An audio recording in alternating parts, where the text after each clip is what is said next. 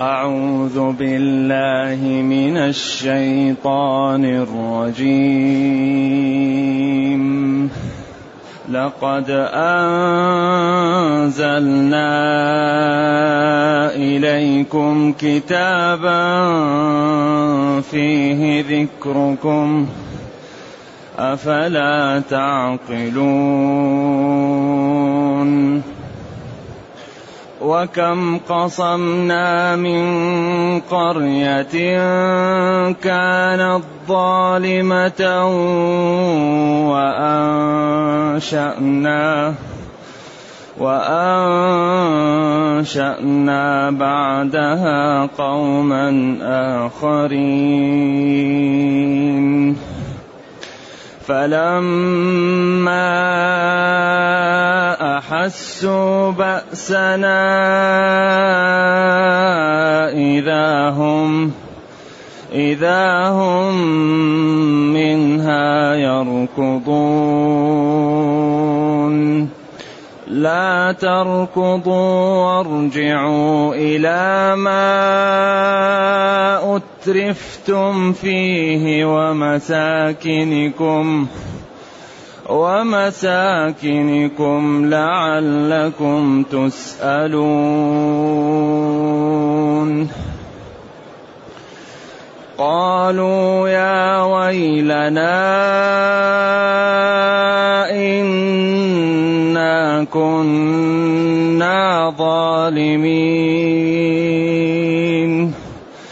فما زالت تلك دعواهم حتى جعلناهم. فما زالت تلك دعواهم حتى جعلناهم حصيدا خامدين. وما خلقنا السماء والارض وما بينهما لاعبين. لو اردنا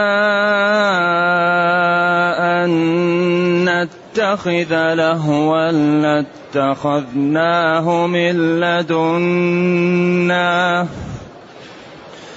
لاتخذناه من لدنا. إن كنا فاعلين. بل نقذف بالحق على الباطل فيدمغه فإذا هو زاهق فإذا هو زاهق ولكم الويل مما تصفون وله من في السماوات والأرض ومن عنده لا يستكبرون ومن عنده لا يستكبرون عن عبادته لا يستكبرون عن عبادته ولا يستحسرون. يسبحون الليل والنهار.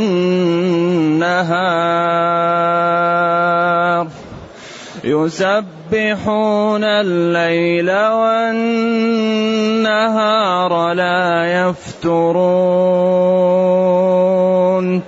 أم اتخذوا آلهة من الأرض هم ينشرون؟ لو كان فيهما آلهة إلا الله لفسدتا. فسبحان الله. فسبحان الله رب العرش عما يصفون. لا يسأل عما يفعل. لا يسأل عما يفعل وهم يسألون.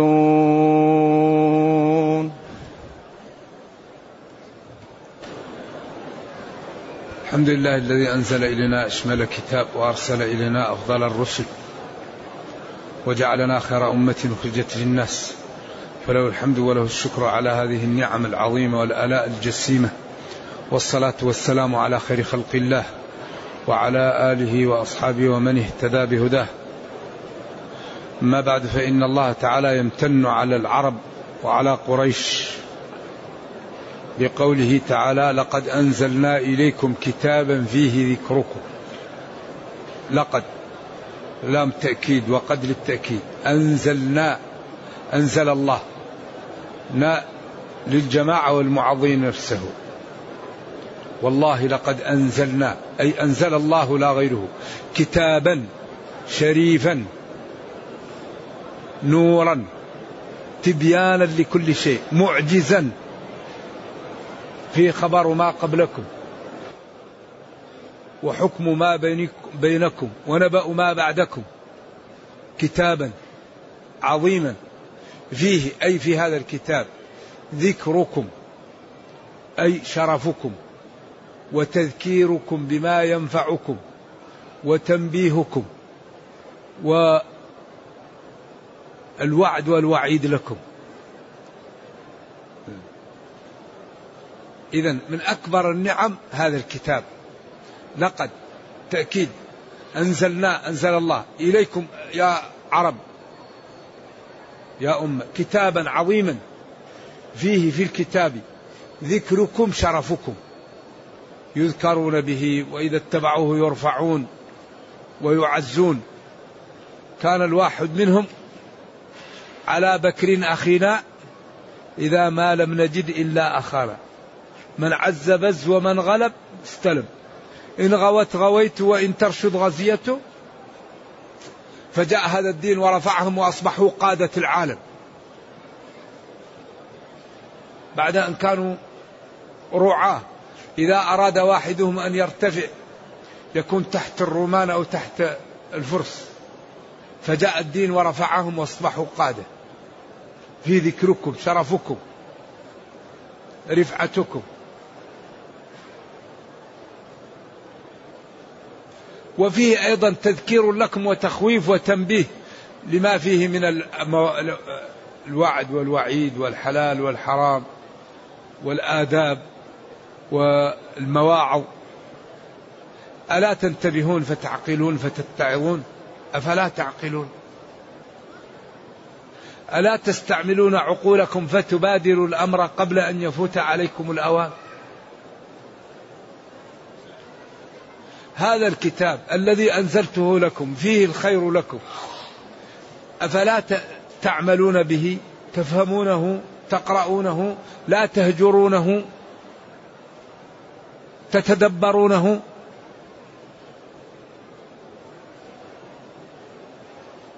وكم قصمنا ولذلك كثيرا ما الله يبين أنه أعطى للإنسان موارد العلم ليستفيد منها. تذكرون تعقلون تتفكرون. دائما الإنسان ينبغي أن يتفكر ينبغي أن يعقل ينبغي أن يذكر. وإنكم لتمرون عليهم مصبحين وبالليل فلا تعقلون. تسقى بماء واحد ونفضل بعضها على بعض. في الأكل إن في ذلك لآيات لقوم يعقلون. أيوة هذه فبشر عبادي الذين يستمعون القول فيتبعون أحسنه أولئك الذين هداهم الله وأولئك هم أولو الألباب. العقول الألباب التفكر التذكر. حتى الإنسان يبقى على بصيرة من أمره فيقدم وهو موقن. ويحجم وهو موقن. لذلك قوة الإيمان شيء يعطيها الله لبعض الخلق. يكون إيمانه راسخ. ما يمكن الشيطان يجيه ويقول له الدين ما هو صحيح. أنت تتعب نفسك بالصلاة. تتعب نفسك بالصوم. لا. أصبح عنده من اليقين الأمر الذي لا يمكن أن يتزعزع. لذلك هذا الذي يمايز الناس قوة الإيمان. أبو بكر كان نحيلا. ما كان ما كان قوي جسمه كان نحيل لكن كان قوي في الله. الله أعطاه قوة إيمان وقوة بصيرة لم تكن عند غيره. لذلك لما قال صلى الله عليه وسلم مروا أبا بكر فليصلي بالناس. وقالت عائشة لحفصة قولي له إن أبا بكر رجل أسيف إذا وقف لا يتمالك. واختلفوا هل السبب خوفا أن يتشاءم الناس بأبيها أو ليأمر له بالخلافة؟ أقوال. فقالت عائشة إن أبا بكر رجل قال إن كنا لأنتن صواحب يوسف. مروا أبا بكر فليصلي بالناس. وكانت حفصة تخاف من عائشة. أن عائشة كانت ذكية ومحبوبة ومعبرة وما تحب تقع معها في شيء فاستحت وقالت لها.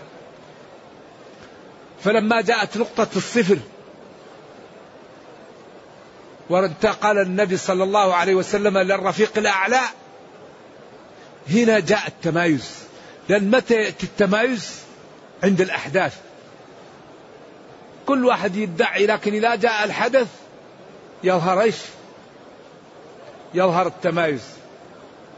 كان أبو بكر عند أرض له خارج وأخبر فوجد عمر عقر ويقول ما مات رسول الله وعلي لبس عليه لشدة الموقف عندهم. فلما جاء قال بأبي أنت وأمي لقد مت الموت التي كتب الله عليك. ورق وقال وما محمد إلا رسول قد خلت من قبله الرسل. أفإن مات أو قتل انقلبتم على أعقابكم ومن ينقلب على عقبه فلن يضر الله شيئا وسيجزي الله الشاكر من كان يعبد الله فإن الله حي لا يموت ومن كان يعبد محمدا فإن محمدا صلى الله عليه وسلم قد مات. قال عمر فرجع لي عقلي.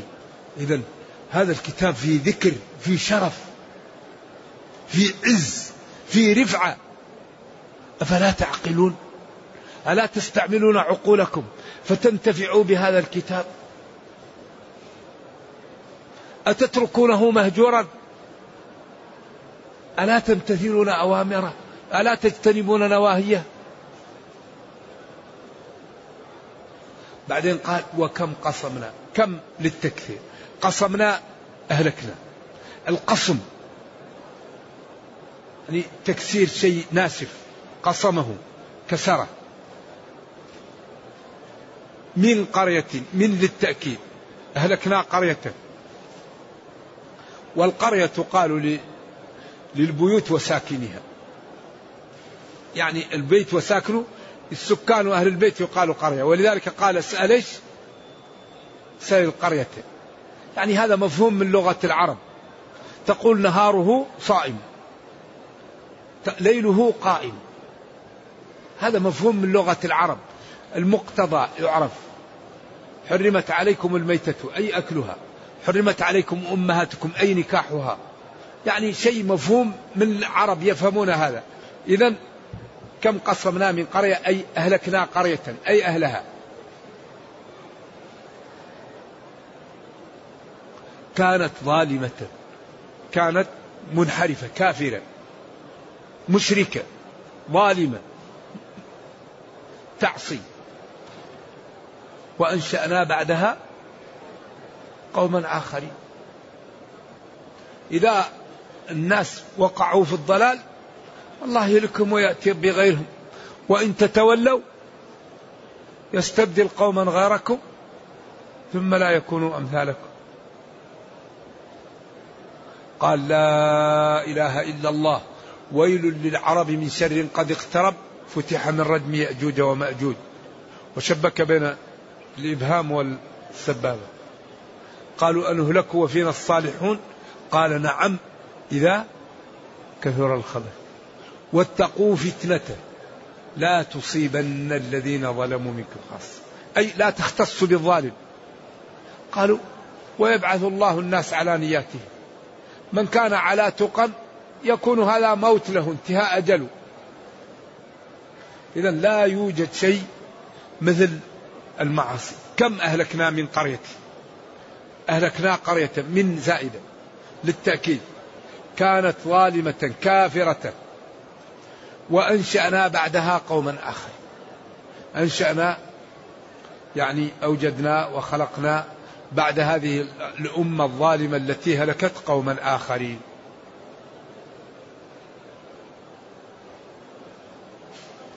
وربيناهم وكثرناهم. فلما أحسوا بأسنا يعني تلمسوا ورأوا أمارات بأسنا وظهرت لهم مخائله إذا هم منها يركضون يهربون. لا تركضوا لا تهربوا وارجعوا على سبيل السخرية والاستهزاء بهم على ما أترفتم فيه نعمتم وأعطيتم ومد لكم ومساكنكم التي أنتم فيها. لعلكم تسألون مرة أخرى أو عن نعيمها أو تسألون مرة أخرى. وهذا السياق من باب الاستهزاء بهم والسخرية. قالوا هؤلاء الكفار يا ويلنا يا ويل لنا يا ويلتنا يعني عياذا بالله مثل يا حسرة. يعني نداء يدل على التضجر وعلى التسخط وعلى الوقوع في الورطة والهلكة. إنا كنا ظالمين. أي واضعين الأمور في موضعها. كانوا كافرين كانوا مشركين كانوا يعملون المعاصي. فما زالت ها تلك دعواهم. يا ويلنا إنا كنا ظالمين. يكرر هذا حتى جعلناهم حصيدا خامدا الحصيد هو آثار الزرع. إذا جف وجاءته الدواب وداسته. هذا هو الحصيد. تكسر ولم يبقى له شيء.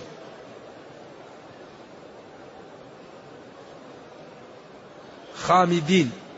لا حركة لهم ولا حياة.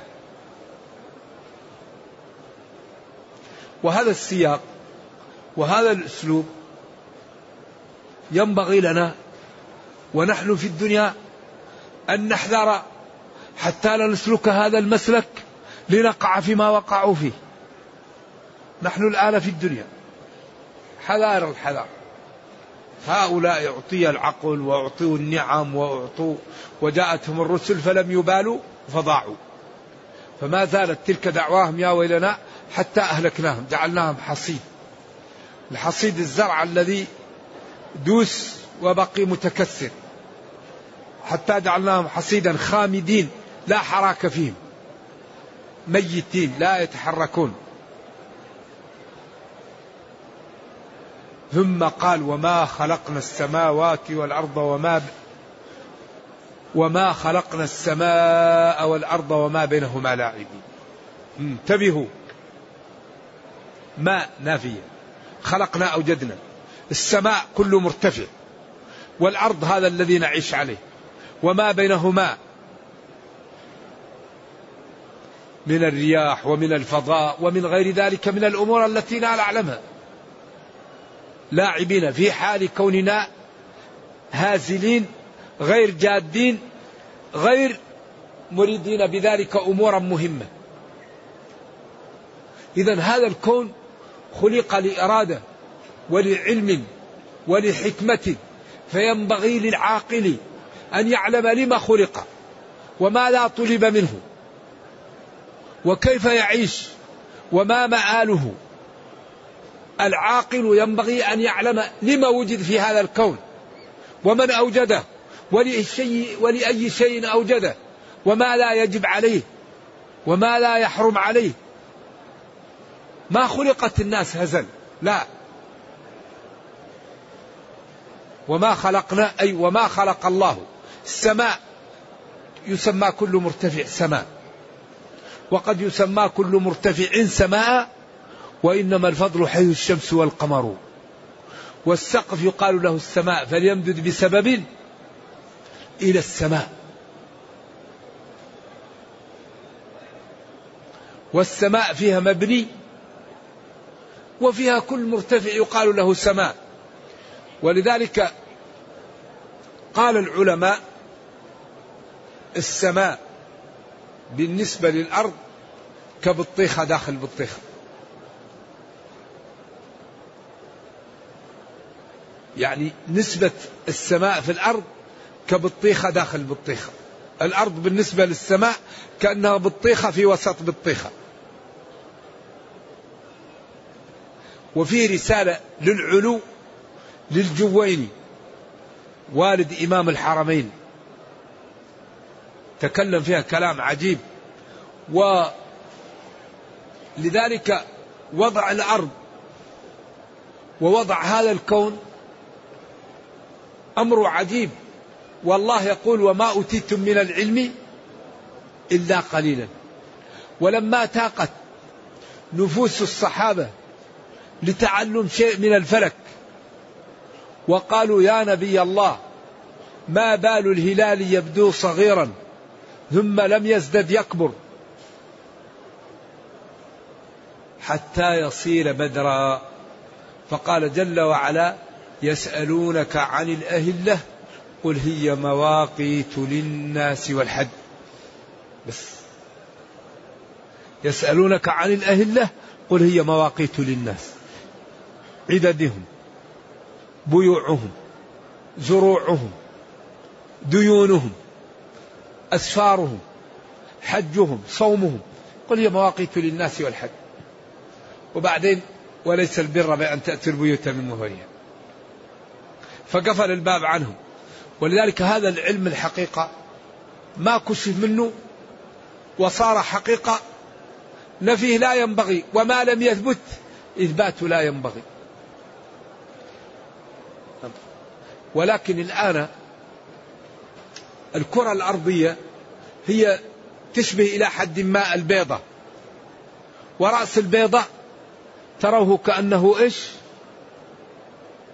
ما عنده سمك لذلك الآن شبه الجزيرة الإسكندنافية الآن. لأنها كأن في نهاية الأرض ستة شهور ليل وستة شهور نهار. يأتيهم الليل يمكن في, الصيف ربع ساعة أو ثلث ساعة. ظلام قليل بس وينتهي. وفي الشتاء يأتيهم النهار ضوء قليل وأغلب الوقت ليل عليهم.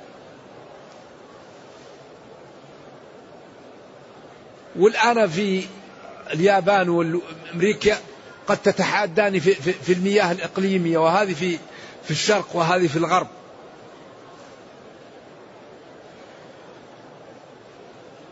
لذلك الأمور هذه المسلم لا ينفي إلا بدليل ولا يثبت إلا بدليل أو يتوقف.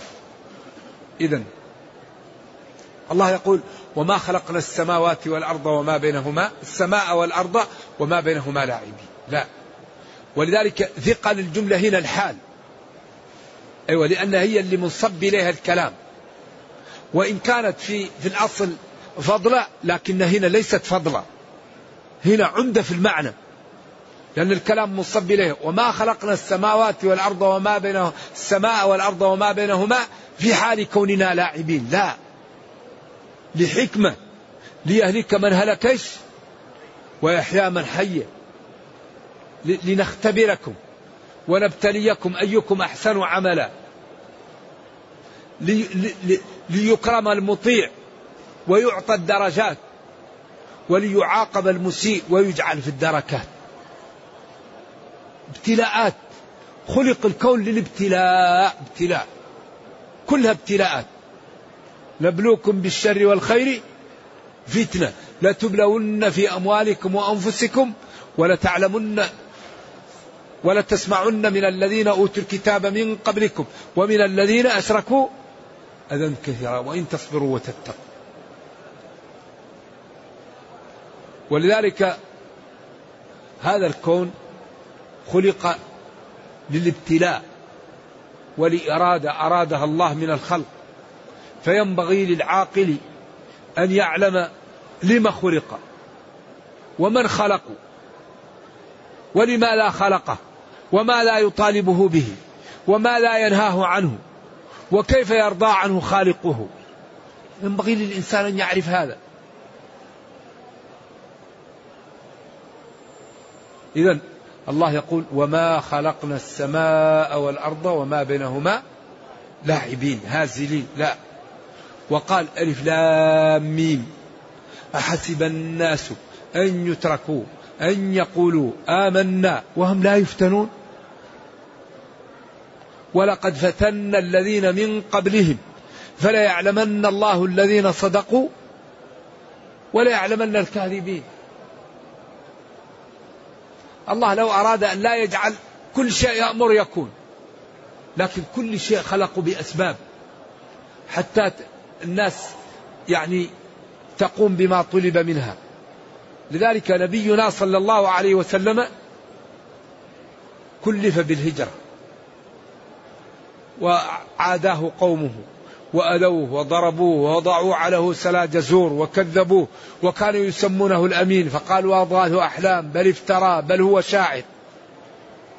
ولما أراد أن يسافر كان يمكن يأتي جبريل ويقول لهم أنا جاء جبريل يقول له روح ما يقدر أحد يجي.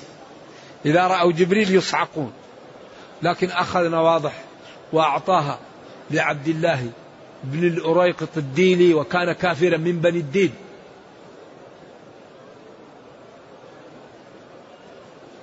وقال له بعد ثلاث تأتيني في غار جنوب مكة. وكان يأتيه عبد الرحمن وميسرة. ويأتوا ويتمشي الغنم عليهم ويأتيه بالخبر. حتى خف الطلب جاءه بالنواضح ومشوا. ومع هذا الملائكة تحيط لكن أراد أن يقوم بالأسباب. لأنهم لما وقفوا على الغار قالوا ما بالك ما بالك باثنين الله ثالثهما. ثاني اثنين هما في الغار إذ يقول لصاحبه لا تحزن. فأنزل الله سكينته عليه وأيده بجنود لم تروا قال العلماء لو جاء أهل الأرض ما يمكن أن ينالوا منه لأن الملائكة تحرسه. ولذلك لما وصله سراق بن مالك بن جعشم ورآه ساخت قوائم فرسه في أرض مستوية. قال لعلكم دعوتم علي فادعوا الله لي ولكم الأمان. فدعوا له فنجا فصار كل ما رأى ناس يقول لهم ما هناك أحد؟ قالوا وفى لنا إذا هذه الأسباب مطالب بها ولكن الله تعالى إذا أراد شيء يعمله بسبب أو بغير سبب. لكن نحن لا بد أن نقوم بهذا. وما خلقنا السماء والأرض وما بينهما لاعبين. ما خلقناهما؟ لو أردنا أن نتخذ لهوا لاتخذناه من لدنا. هنا أدلة عقلية وبراهين ساطعة لمن تعمل عقله وتفكر تجعله يوقن بالحق ويقوى إيمانه. إذا الكون ما خلق للعبث. خلق خلقته قدرة هائلة لحكم ولأمور تريدها من خلقها. فينبغي للمخلوق أن يعلم لما لا خلق حتى ينجو بنفسه. لو أردنا أن نتخذ لهوا لهوا زوجة لهوا ولدا لهوا هما معا لاتخذناه من لدنا. وهذا رد عليهم بأن الملائكة بنات الله أو أن الملائكة والشياطين تزاوجت أو ما قالوا عن عيسى وعن أمه.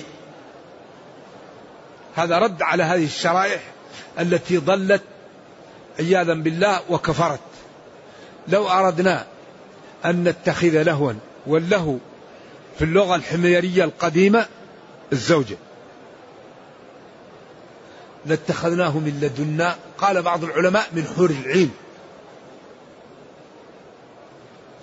أنشأناه من حور العين إن كنا فاعلين ذلك أو ما كنا فاعلين ذلك. إذا لو أردنا أن نفعل ذلك لفعلناه لكن لا يكون ذلك لأن الولد والوالد والزوجة. هذه صفات للعاجز. والله تعالى له الغنى المطلق.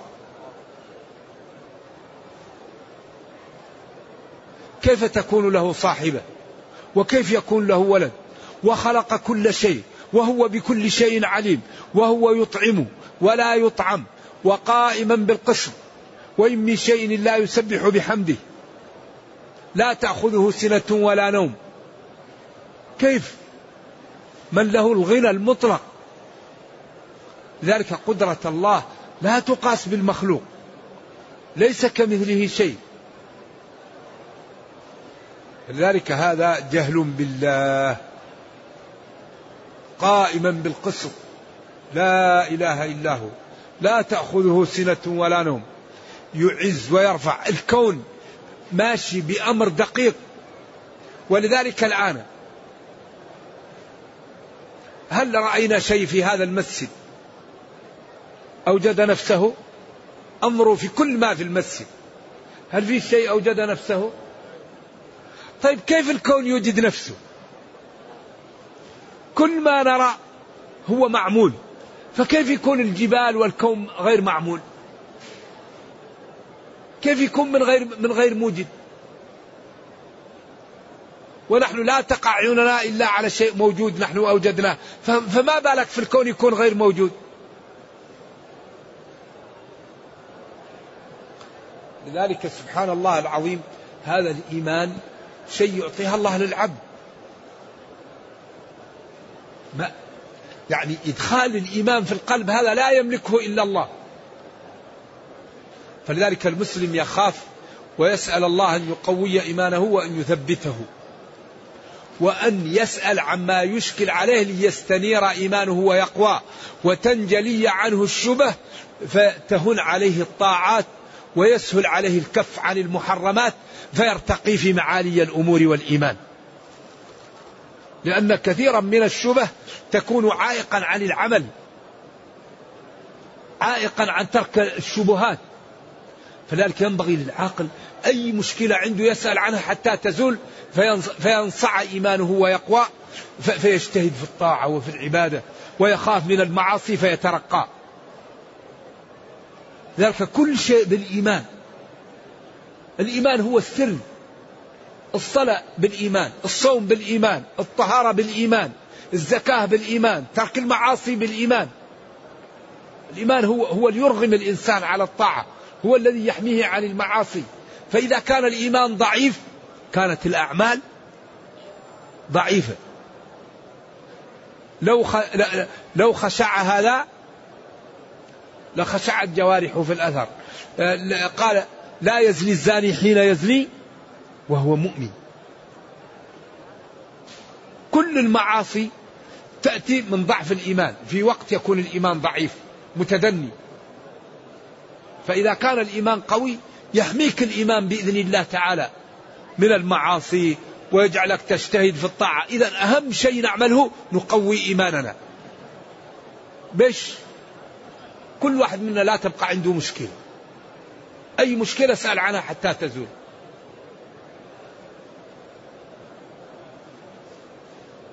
فإذا زالت الشبه واتضحت المحجة خاف العبد ربه فنشط في الطاعات وابتعد عن المعاصي فأصبح من عباد الله الذين تشبعوا بالإيمان فأصبح النفع منه محقق. إن سأل أعطي وإن دعا استجيب له وإن عاداه شخص دمره ربه. من عادى لي وليا فقد آذنت بالحق. إذا فلنجتهد لنكن من عباد الله الصالحين. نجتهد لنكن من أولياء الله. نجتهد لنكن من المتقين. نجتهد. وبعدين كل الأمور بالتعود. يعني إنسان يصلي ما في خشوع يصوم وما عنده رغبة يترك الكلام وما عنده خوف وشوية شوية يمتلئ القلب من الإيمان فيصبح إيش؟ إيمانه مثل هذا العمود. فإذا سأل الله أعطاه وإذا طلبه وإذا دعا قبل منه. وبعدين يكون الله يحميك إذا كنت عبد لله الله يحميك. إن الله يدافع عن الذين يدافع دفع بعد دفع. يقول للشيطان إن عبادي ليس لك عليهم سلطان. إذا إذا يقول جل وعلا لو أردنا أن نتخذ زوجة أو ولدا أو هما معا لاتخذناه من عندنا ممن من أمورنا من حور العين أو من غير ذلك؟ وليس من جنسكم. أو نتخذوه لأنفسنا لا أنتم تتخذونه. إن كنا فاعلين ذلك أو ما كنا فاعلين ذلك. بعدين قال بل إضراب نقذف نضرب. بالحق. على الباطل فيدمغه تعبير رائع. وبعدين في صورة محسوسة. القذف معروف والدمغ معروف. والحق معروف والباطل معروف. إذا دائما الحق يضرب الباطل.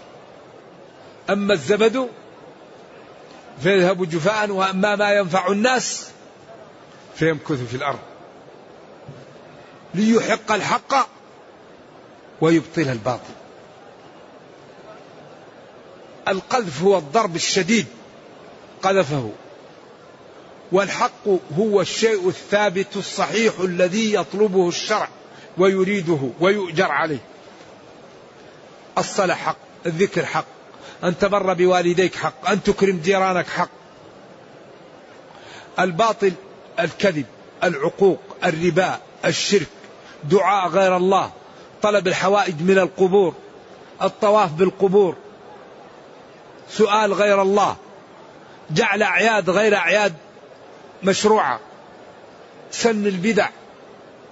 كل هذا من الباطل. إذا الحق من حق الشيء يحق إذا ثبت وكل ما طالبه الشرع وأقره من الأمور الطيبة المعروفة بالشرع أو العرف يقال له الحق. والباطل كل ما يضر ونهى عنه الشرع أو العرف مما لا يتفق مع الدين. باطل. الكفر باطل. الشرك باطل. الظلم باطل. عقوق الوالدين باطل. الربا باطل. النجش باطل. الغيبة باطل. الفواحش باطل. ولذلك نبينا أتانا بشرع عجيب. قال الحلال بين والحرام بين. وذكر في القرآن تلك حدود الله سبع مرات وكلها ليعلم المعالم التي أحلل والمعالم التي حرم حتى تتمايز. تلك حدود الله فلا تقربها تلك حدود الله فلا تعتدوها. يعني ذلك دين دين الإسلام دين عجيب. فإذا هو زاهق ميت هالك مضمحل لا حراك له. لكن هذا إذا تحرك أهل الحق بالحق. نحن الآن أحوج ما نحتاج إليه.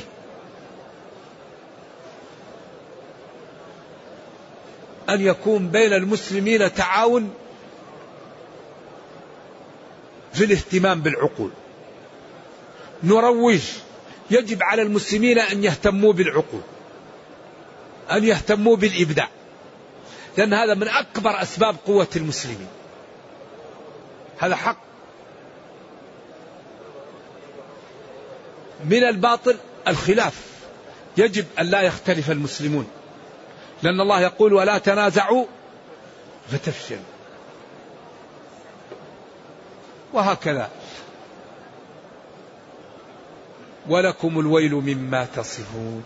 لكم يا كفار قريش ومن كان على شاكلتكم الويل المصيبة واد في جهنم الهلاك العقوبة. مما تصفون به ربكم من الولد والصاحبة ومن الشركاء ومن الأنداد. ولكم الوعيد والعقوبة. مما تصفون به ربكم من الشركاء والأنداد. ومن الأمور التي لا يليق أن يوصف بها الله. وله من في السماوات والأرض وله الله من في السماوات والأرض. كيف تصفونه بهذه الصفات؟ وهو الغني الغنى المطلق والقادر القدرة المطلقة. غنى. لو أعطى كل الناس ما نقص من ملكه. علم لا يعلمه إلا الله. ما تسقط من ورقة إلا يعلمها. إرادة لا يعلمها إلا الله. إذا أراد شيئا أن يقول له كن فيكون علم وقدرة وإرادة وحياة كاملة. أما كل الخلق عاجزون. وله من في السماوات والأرض يعني كيف يكون هذا وهو القادر والموجد لكل شيء؟ ومن عنده من الملائكة ومن الخلق ومن الصالحين ومن هو عبد له لا يستكبرون عن عبادته. لا يتكبرون ولا يأنفون بل يتشرفون ويتجملون ويرتفعون بعبادته. ولذلك من أفضل أسماء خلقه العبيد سبحان الذي أسرى بعبده. أكبر شرف له أن يكون عبدا لربه. ولا يستحسرون ولا يتحسرون ولا يتأسفون ولا يقع لهم أي يعني مضاض في ذلك ولا ألم. يسبحون الليل والنهار لا يفترون. يسبحون الليل والنهار. سأل ابن عباس كعب قال له إنهم ألهموا التسبيح كما ألهمنا نحن النفس. أنت تتكلم تتنفس نايم تتنفس تشرب تتنفس تأكل تتنفس وهم يسبحون الليل والنهار. يعني ألهموا التسبيح كما ألهمنا نحن نفس إذا هؤلاء عباد مكرمون خلقهم الله ليسوا بآلهة.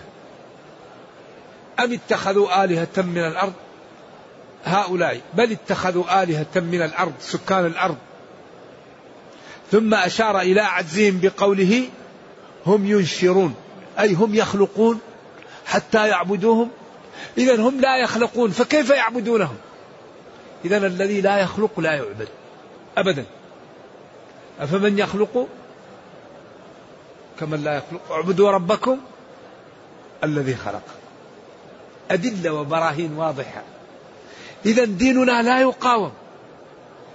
ديننا يغلب.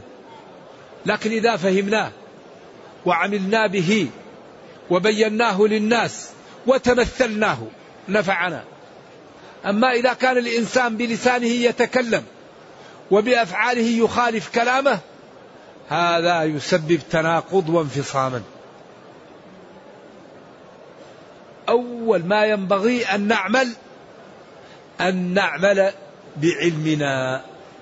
وما أريد أن أخالفكم إلى ما أنهاكم عنه.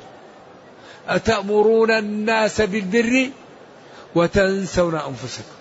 كبر مقتا عند الله تقولوا ما لا تفعلون. هذه الآيات الثلاثة ينبغي أن نجعلها نصب عيننا وأن ندعو بأخلاقنا وبأعمالنا قبل أقوالنا وأفعالنا. ينبغي أن ندعو الناس بصفاتنا بسلوكنا. ينبغي أن نتمثل الدين.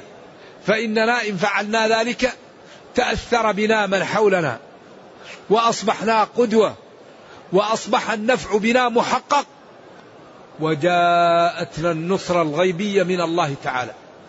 لأننا إذا صدقنا الله يقول ولينصرن الله من ينصر ويقول إن الله لا يخلف المحن فلنحقق الأمر ولنجتهد.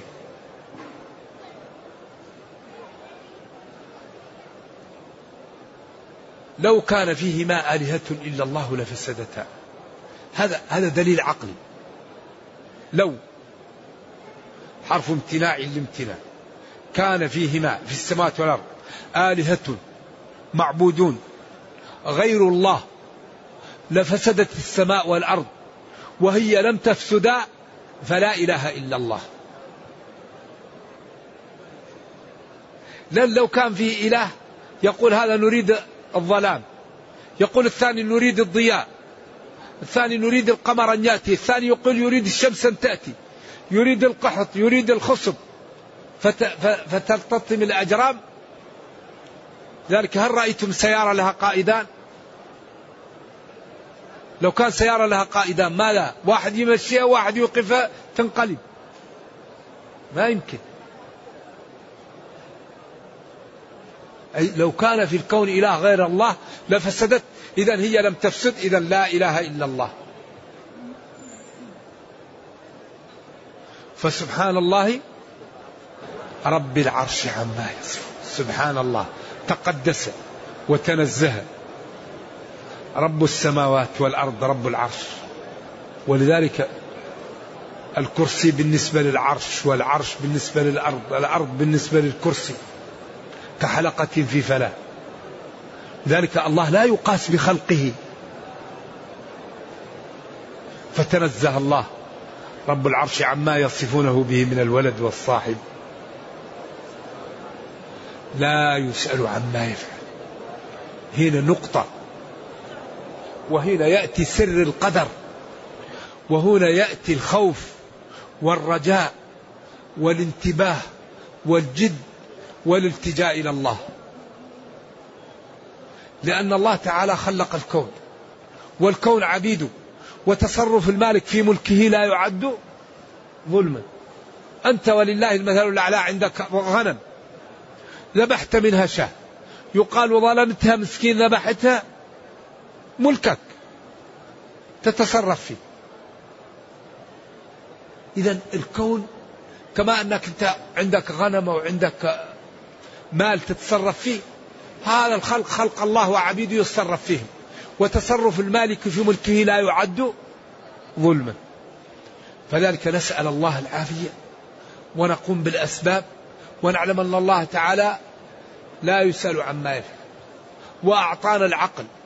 وأعطانا العينين وأعطانا اللسان وبين لنا طريق الخير وبين لنا طريق الضلال وقال فمن يعمل مثقال ذرة خيرا يره ومن يعمل مثقال ذرة ولا في أحد يعلم ما لا كتب له ليترك العمل.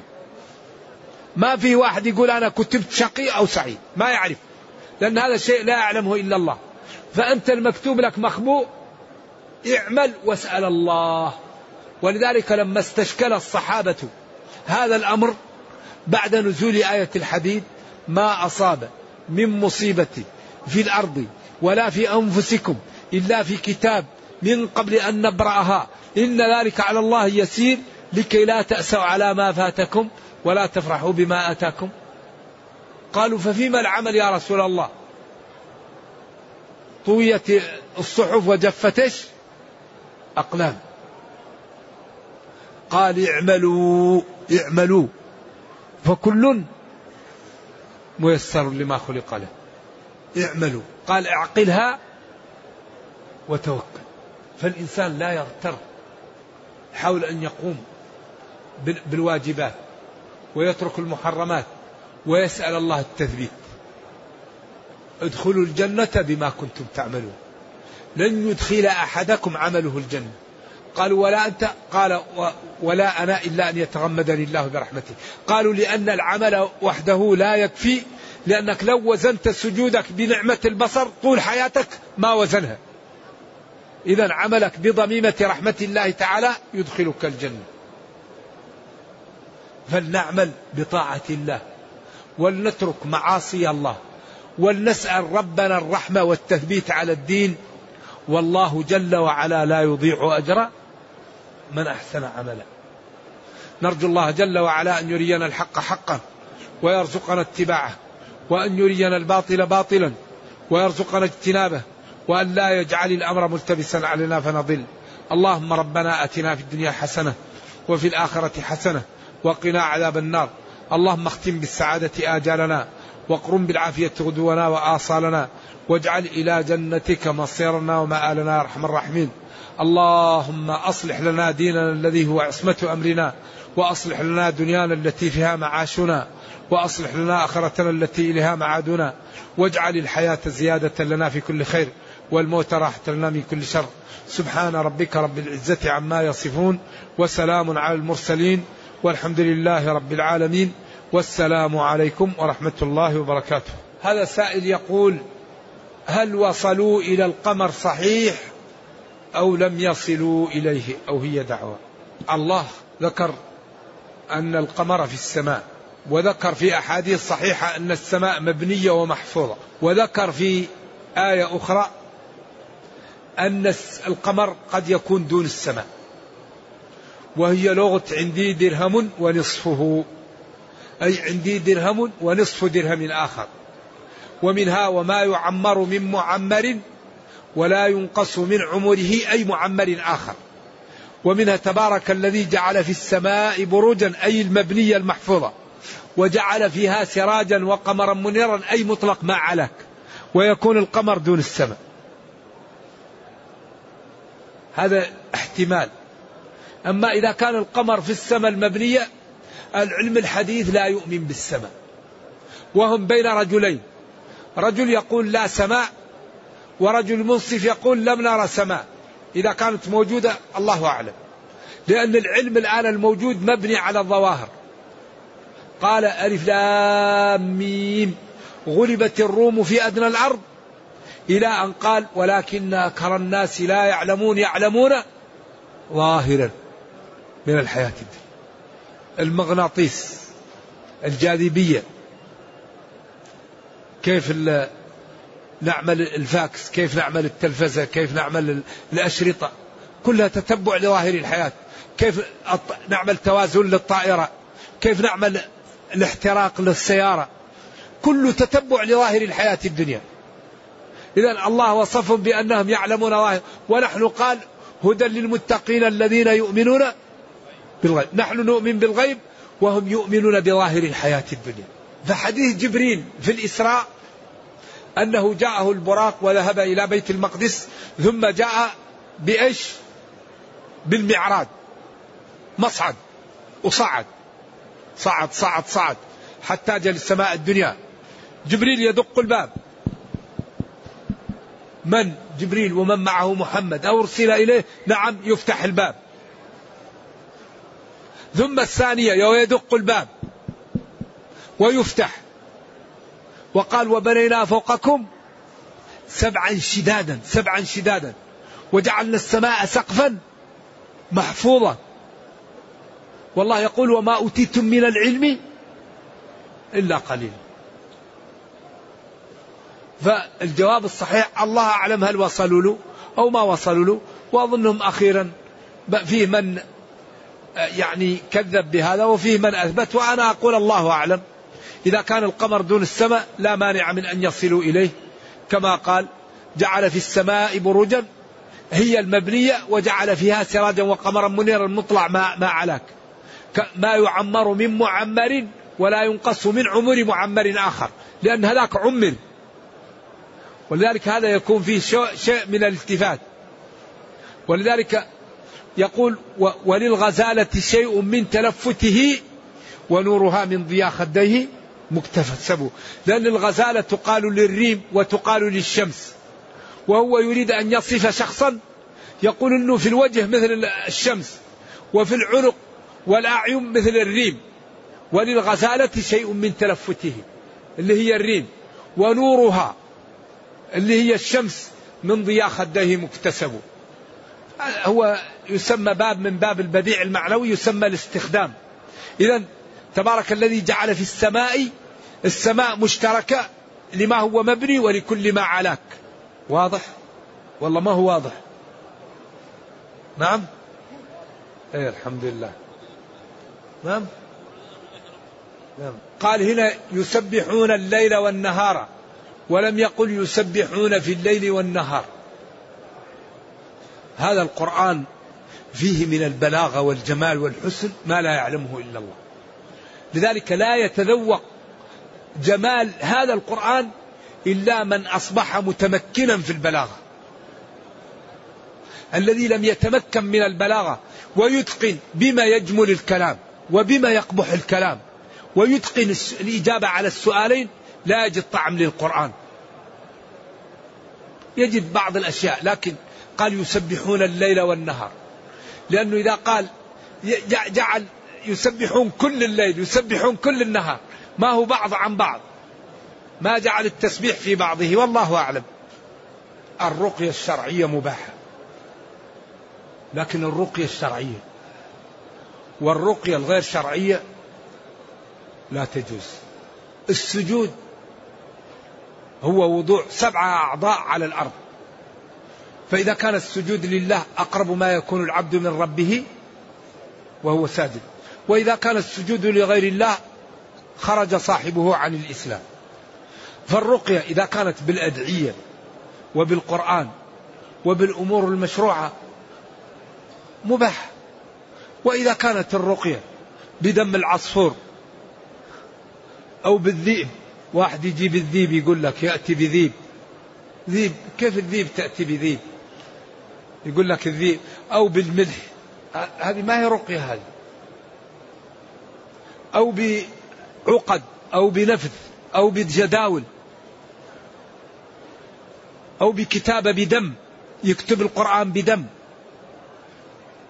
هذا ما يجوز لأن الدم لا يكتب به القرآن لأن الدم كثير من العلماء يقول الدم نجس الدم المسفوح وأن علة التحريم النجاسة والضرر الموجود فيه.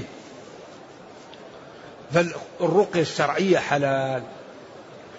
الفاتحة المعوذتين آية الكرسي سورة البقرة.